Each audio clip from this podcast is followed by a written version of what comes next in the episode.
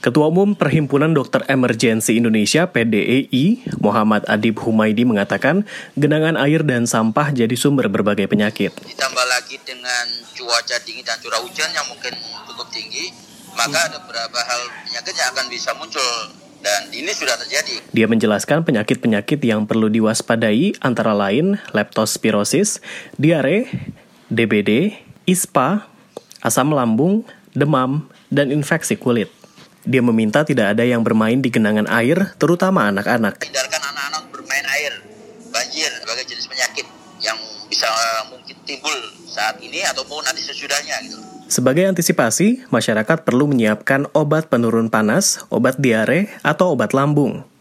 Namun, kata dia, jika keluhan berlanjut dalam beberapa hari, perlu periksa ke dokter.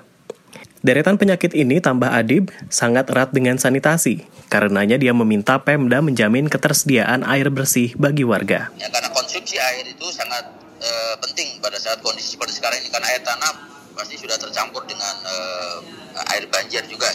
Adib juga meminta Pemda menyediakan MCK yang layak, sementara warga membersihkan hunian masing-masing.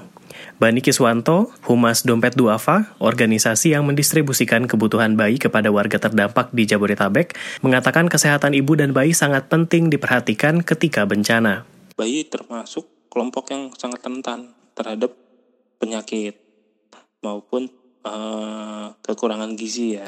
Timnya menyalurkan makanan pendamping ASI dan kebutuhan bayi kedua titik di pos Cipinang Melayu dan pos Balai Kambang Ciliwung, keduanya di Jakarta Timur, yang pengungsi ibu dan anaknya cukup tinggi. Itu sangat membantu para ibu agar semakin aware terhadap kebutuhan nutrisi anaknya dan membantu ibu untuk memenuhi kebutuhan nutrisi tersebut. Dia mencontohkan, di titik pengungsian Cipinang Melayu di Masjid Universitas Borobudur, terdapat hampir 500 jiwa, yang 25 persennya adalah bayi, balita, dan anak-anak. Di pengungsian ini, ibu dan bayi bercampur dengan masyarakat lain. Hal itu, kata Bani, meningkatkan risiko penyakit. Badan Nasional Penanggulangan Bencana BNPB mencatat setidaknya 183 ribu orang mengungsi akibat banjir di Jabodetabek, Lebak, Banten, dan Karawang, Jawa Barat awal Januari ini. BNPB mencatat pada Jumat sudah tidak ada genangan di kota Bogor dan Depok, sementara di daerah lain genangan sudah surut dengan ketinggian bervariasi dari 10 cm sampai 300 cm. Per Sabtu kemarin, tercatat 60 orang meninggal dan dua hilang. Sebagian besar pengungsi sudah pulang dan tersisa 92 ribuan jiwa di 180-an titik pengungsian.